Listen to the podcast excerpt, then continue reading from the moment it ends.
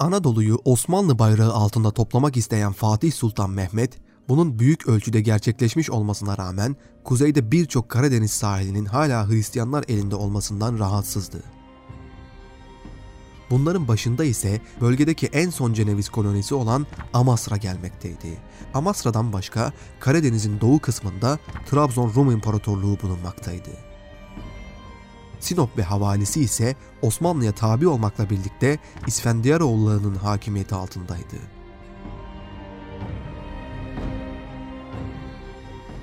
Bütün Karadeniz sahil şeridini fethetmeyi düşünen Fatih, Amasra'dan başlamak üzere bir plan yaptı. İstanbul fethedilince Amasra'daki son Ceneviz mensuplarının kendi merkezleriyle iletişimi kesilmişti. Artık Cenevizliler onlara deniz yoluyla yardım yapamazdı. Buranın sakini olan Cenevizliler daimi bir surette Karadeniz'de korsanlık yapar ve Osmanlı'ya ihanet edenleri saklarlardı çoktan Osmanlı'ya vergi bağı ile bağlıydılar. Fakat Osmanlı'ya vermiş oldukları yıllık vergiyi bazen denizdeki soygunculukla misliyle bir günde geri alıyorlardı. Bundan dolayı defaatle ikaz edilmelerine rağmen tecavüzlerine devam etmekte olan Amasra Cenevizlileri İstanbul'un fethinden sonra da bu faaliyetlerine devam ettiklerinden bu korsan yuvası ve suçlu barınağı olan yerin fethedilmesini zaruri gören Fatih 1461 yılında 150 parçalık bir donanmayı Mahmut Paşa komutasında Karadeniz'e gönderirken bütün faaliyetlerini gizli tutmak hususundaki esas prensibine riayet ederek kendisi de güya avlanmak maksadıyla harekete geçerek önce Sakarya Akyazı'ya sonra da ormanlık bölgelerden zorlukla Bolu'ya geldi. Bolu'ya gelindiğinde İsfendiyaroğlu hükümdarı İsmail Bey seferin kendi üzerine olduğunu zannederek Kastamonu'dan Sinop'a kaçıp hazırlıklara başladı. Lakin seferin Amasra üzerine olduğunu öğrenince rahat bir nefes aldı. Amasralılar denizden donanma ile Mahmut Paşa'nın, karadan ise Fatih'in kendilerini kuşattıklarını görünce mukavemet edemeyeceklerini anlayarak mal ve can emniyeti mukabilinde şehrin anahtarlarını teslim ettiler. Bu sebeple kendilerine esir muamelesi yapılmadı. Sadece buraya bir kısım Müslüman halk getirilip onların yerlerine yerleştirilmekle iktifa edildi. Fatih bu sefere çıkarken hiç şüphesiz İsfendiyaroğulları beyliğini de ortadan kaldırmayı düşünmekteydi. Zira İsmail Bey Osmanlı'ya vergi yoluyla bağlı olmasına rağmen asla bir dost değildi. Karamanoğullarıyla ve hatta Batı Hristiyan dünyasıyla dahi Osmanlı aleyhine devamlı bir surette faaliyet yürütmekteydi. Lakin Sultan Fatih bunu ikinci bir hamleyle halletmeyi düşündü. Zira ömrünün uzunluğu bakımından Karamanoğullarından sonra gelen bu beylik tarihinin en güçlü devrinde bulunmaktaydı. Üstelik Sinop Kalesi'nin de Amasra'ya sevk edilen az sayıda ordu ile ele geçirilmesi ihtimali yoktu. Bundan dolayı bu beylik üzerine daha büyük bir kuvvetle hareket etmek isteyen Sultan Fatih Bursa'ya döndü. İsfendiyaroğlu İsmail Bey'in sığınmış olduğu Sinop Kalesi'nde 400 top ve 12 bin muhafız asker olduğu Fatih tarafından bilinmekteydi. Ayrıca bu beyliğin çok kuvvetli bir donanması mevcuttu. Bu donanmaya mensup gemiler o devrin en büyük ve manevra kabiliyeti yüksek gemileriydi. Bu bakımdan Fatih buraya daha büyük bir ordu ile gelmenin lüzumunu hissetmişti. O bu defa İsfendiyaroğulları Beyliği ve Trabzon Rum İmparatorluğu'na karşı sefere çıkacağından daha büyük bir hazırlığa ihtiyaç hissetmişti. Rumeli ve Anadolu neferlerinin toplanmaları için talimat verildi.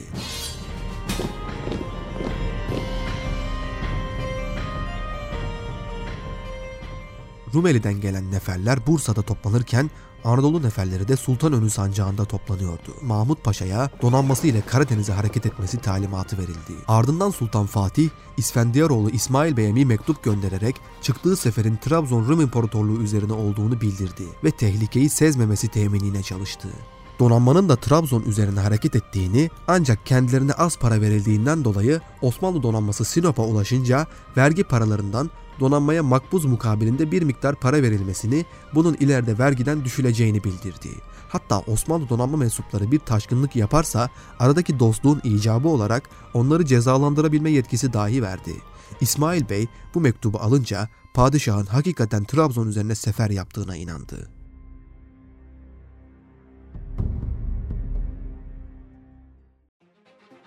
Sultan Fatih bu suretle İsmail Bey'i hareketsiz bir durumda kalmaya sevk ettikten sonra 60 bin süvari ve 80 bin piyadeden müteşekkil muazzam ordusuyla Bursa'dan Ankara istikametine doğru harekete geçti. Bu sırada İsmail Bey'e ikinci bir mektup göndererek onun gafletini daha fazla artırmak üzere Ankara'ya geldiğinde ordusuna katılmak üzere bir miktar askerle yardımda bulunmasını talep etti.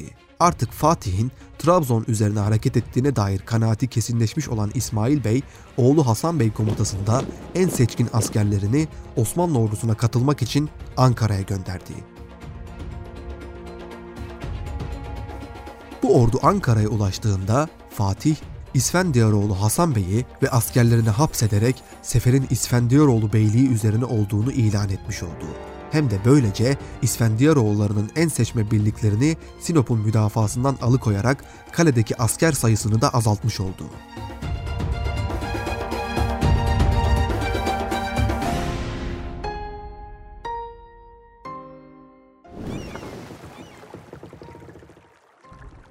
Donanma çoktan Sinop'a ulaşmıştı. Osmanlı donanması limanlarda hazırlıksız bulunan İsfendiyaroğlu gemilerinin limandan çıkmalarına engel olacak şekilde Sinop limanını kuşatmıştı. Fatih komutasındaki Osmanlı ordusu da 140 bin askerle Sinop kalesine varınca İsfendiyaroğlu İsmail Bey Osmanlı'ya karşı mukavemet etmekten vazgeçerek şehri hapsiz olarak teslim etti.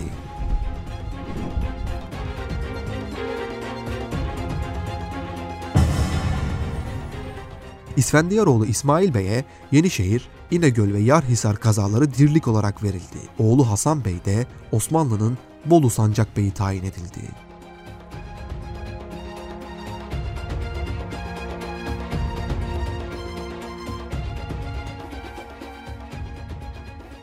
Böylece Fatih Sultan Mehmet Han tek bir asker kaybetmeden Amasra ve İsfendiyaroğlu beyliğini topraklarına katmıştı. Sıradaki hedefi ise Trabzon, Rum İmparatorluğu'ydu.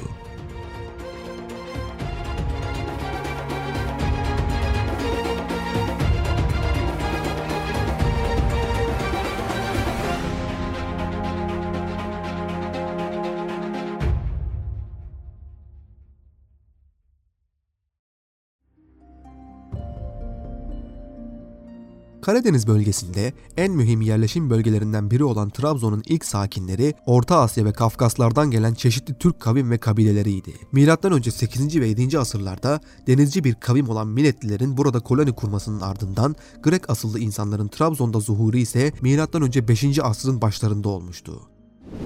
Latinler 1204 yılındaki 4. Haçlı Seferi sırasında Doğu Roma'yı yıkarak ahaliyi kılıçtan geçirmişlerdi. O sırada Doğu Roma hanedanına mensup olan Alexius Comenius, Trabzon'daki Rum beylerinin daveti üzerine Trabzon'a gelip Rum kolonisinin başına geçmiş ve kendisini yeni Roma İmparatoru olarak tanıtmıştı. 1206 yılında Selçuklu Sultanı Gıyasettin Keyhüsrev, 1221 yılında da Alaaddin Keykubat tarafından muhasara edilmişse de fetih müyesser olmamıştı. Bununla birlikte Selçuklular bu devleti haraca bağlamış ve hudutlarına da 24 Oğuz boyundan biri olan Çepni Türklerini yerleştirmekle iktifa etmişti.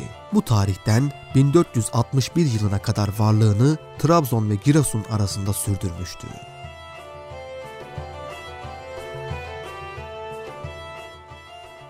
Trabzon Rumları yaklaşmakta olan Osmanlı tehlikesinin farkındaydı. Bu tehlikeyi bertaraf etmek için öteden beri adetleri olduğu üzere civardaki devletlerle akrabalık tesis ederek ittifaklar yapmaya çalıştılar.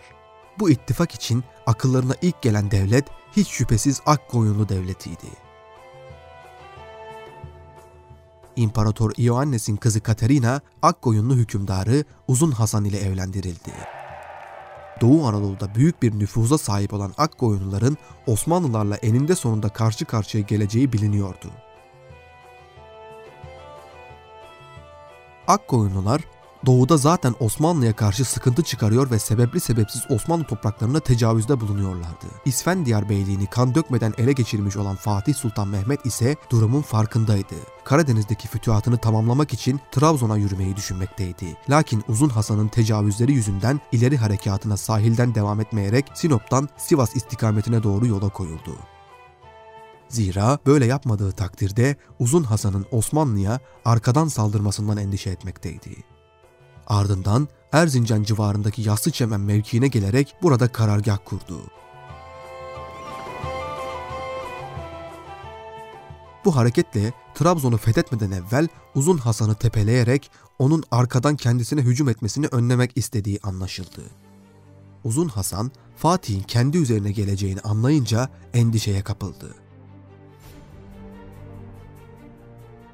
Aralarında annesi Sare Hatun olmak üzere bir elçilik heyetini Fatih nezdine gönderdi. Sare Hatun, padişahtan oğlunun vaki tecavüzlerinden dolayı mazur görülmesini rica ederek onun adına özür dilediğini beyandan sonra affedilmesi için yalvardı.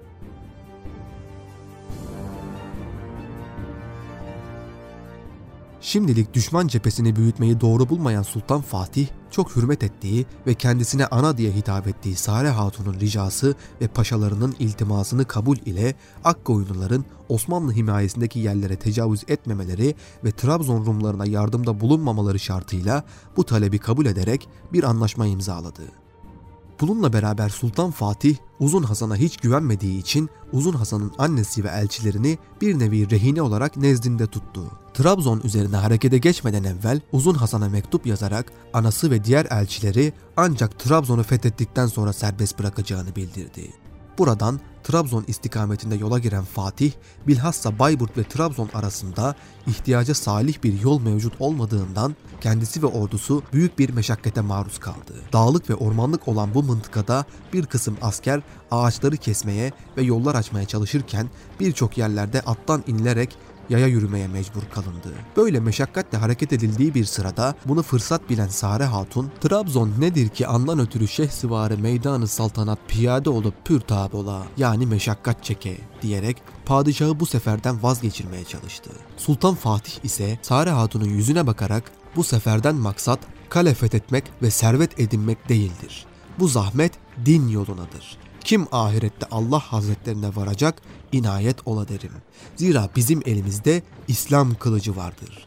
Eğer bu zahmeti ihtiyar etmezsek bize gazi demek yalan olur cevabını verdi.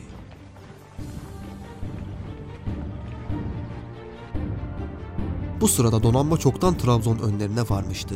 Sultan Fatih, Mahmut Paşa'yı Rumeli neferleriyle önden göndermişti. Toplarını bu yollardan geçirip sahile indirmesinin müşkülatını bildiğinden demir, bakır, barut ve güherçileyi Trabzon'a önceden donanma ile sevk etmişti. Donanmanın kumandası Kaptanı Derya Yakup Bey'deydi. Yakup Bey, Sultan Fatih'ten takriben bir ay önce Trabzon limanına gelmiş ve karaya asker çıkararak savaşa başlamıştı.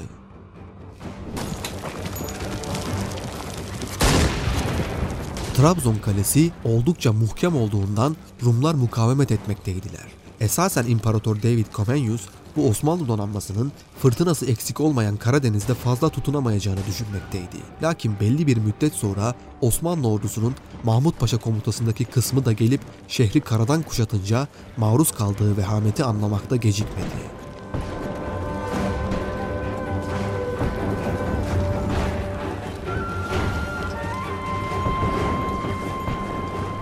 Bundan az bir müddet sonra Fatih Sultan Mehmet ile birlikte ordunun asıl kısmı da Trabzon'a vasıl olunca Rum İmparator David Comenius tamamen müdafadan ümit kesmişti.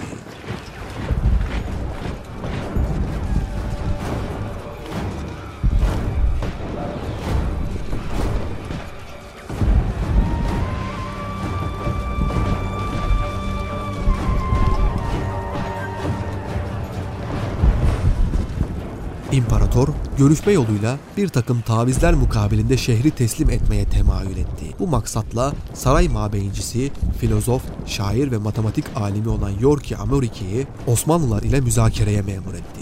Yorki, imparatorun kızını padişaha zevci olarak vermeye ilaveten imparatorun kendisine de Trabzon devletinin vergi geliri kadar geliri olan başka bir yerin ikdası verildiği takdirde şehri teslim edebileceklerini bildirdi. Fatih Sultan Mehmet kendisine bildirilen bu teklif karşısında fevkalade hiddetlenerek şehrin kayıtsız şartsız tesliminden başka hiçbir şey kabul etmediğini bildirdi. Bu durumda imparator bir müddet daha mukavemet ettiyse de karşı koyamayacağını anlayınca 26 Ekim 1461 tarihinde Trabzon'u Sultan Fatih'e teslim etmeye razı oldu.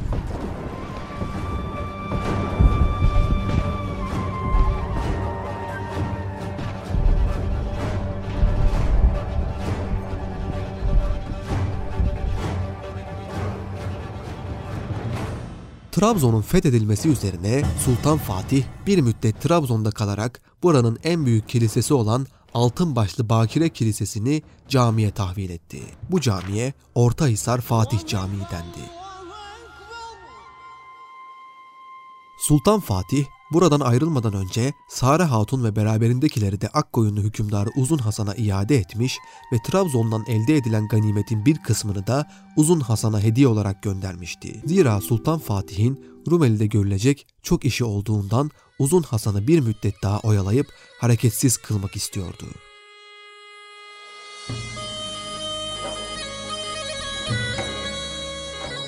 Böylece 250 yıllık Trabzon Rum İmparatorluğu devleti de yıkılmıştı. Bu bölgeye Maraş bölgesinden Türkler getirilerek buranın süratle Türkleşip İslamlaşması sağlanmaya çalışıldı. Türkler Trabzon'un köylerine yerleşirken Rumlar sahil bölgelerinde hayatlarını sürdürmüşlerdi.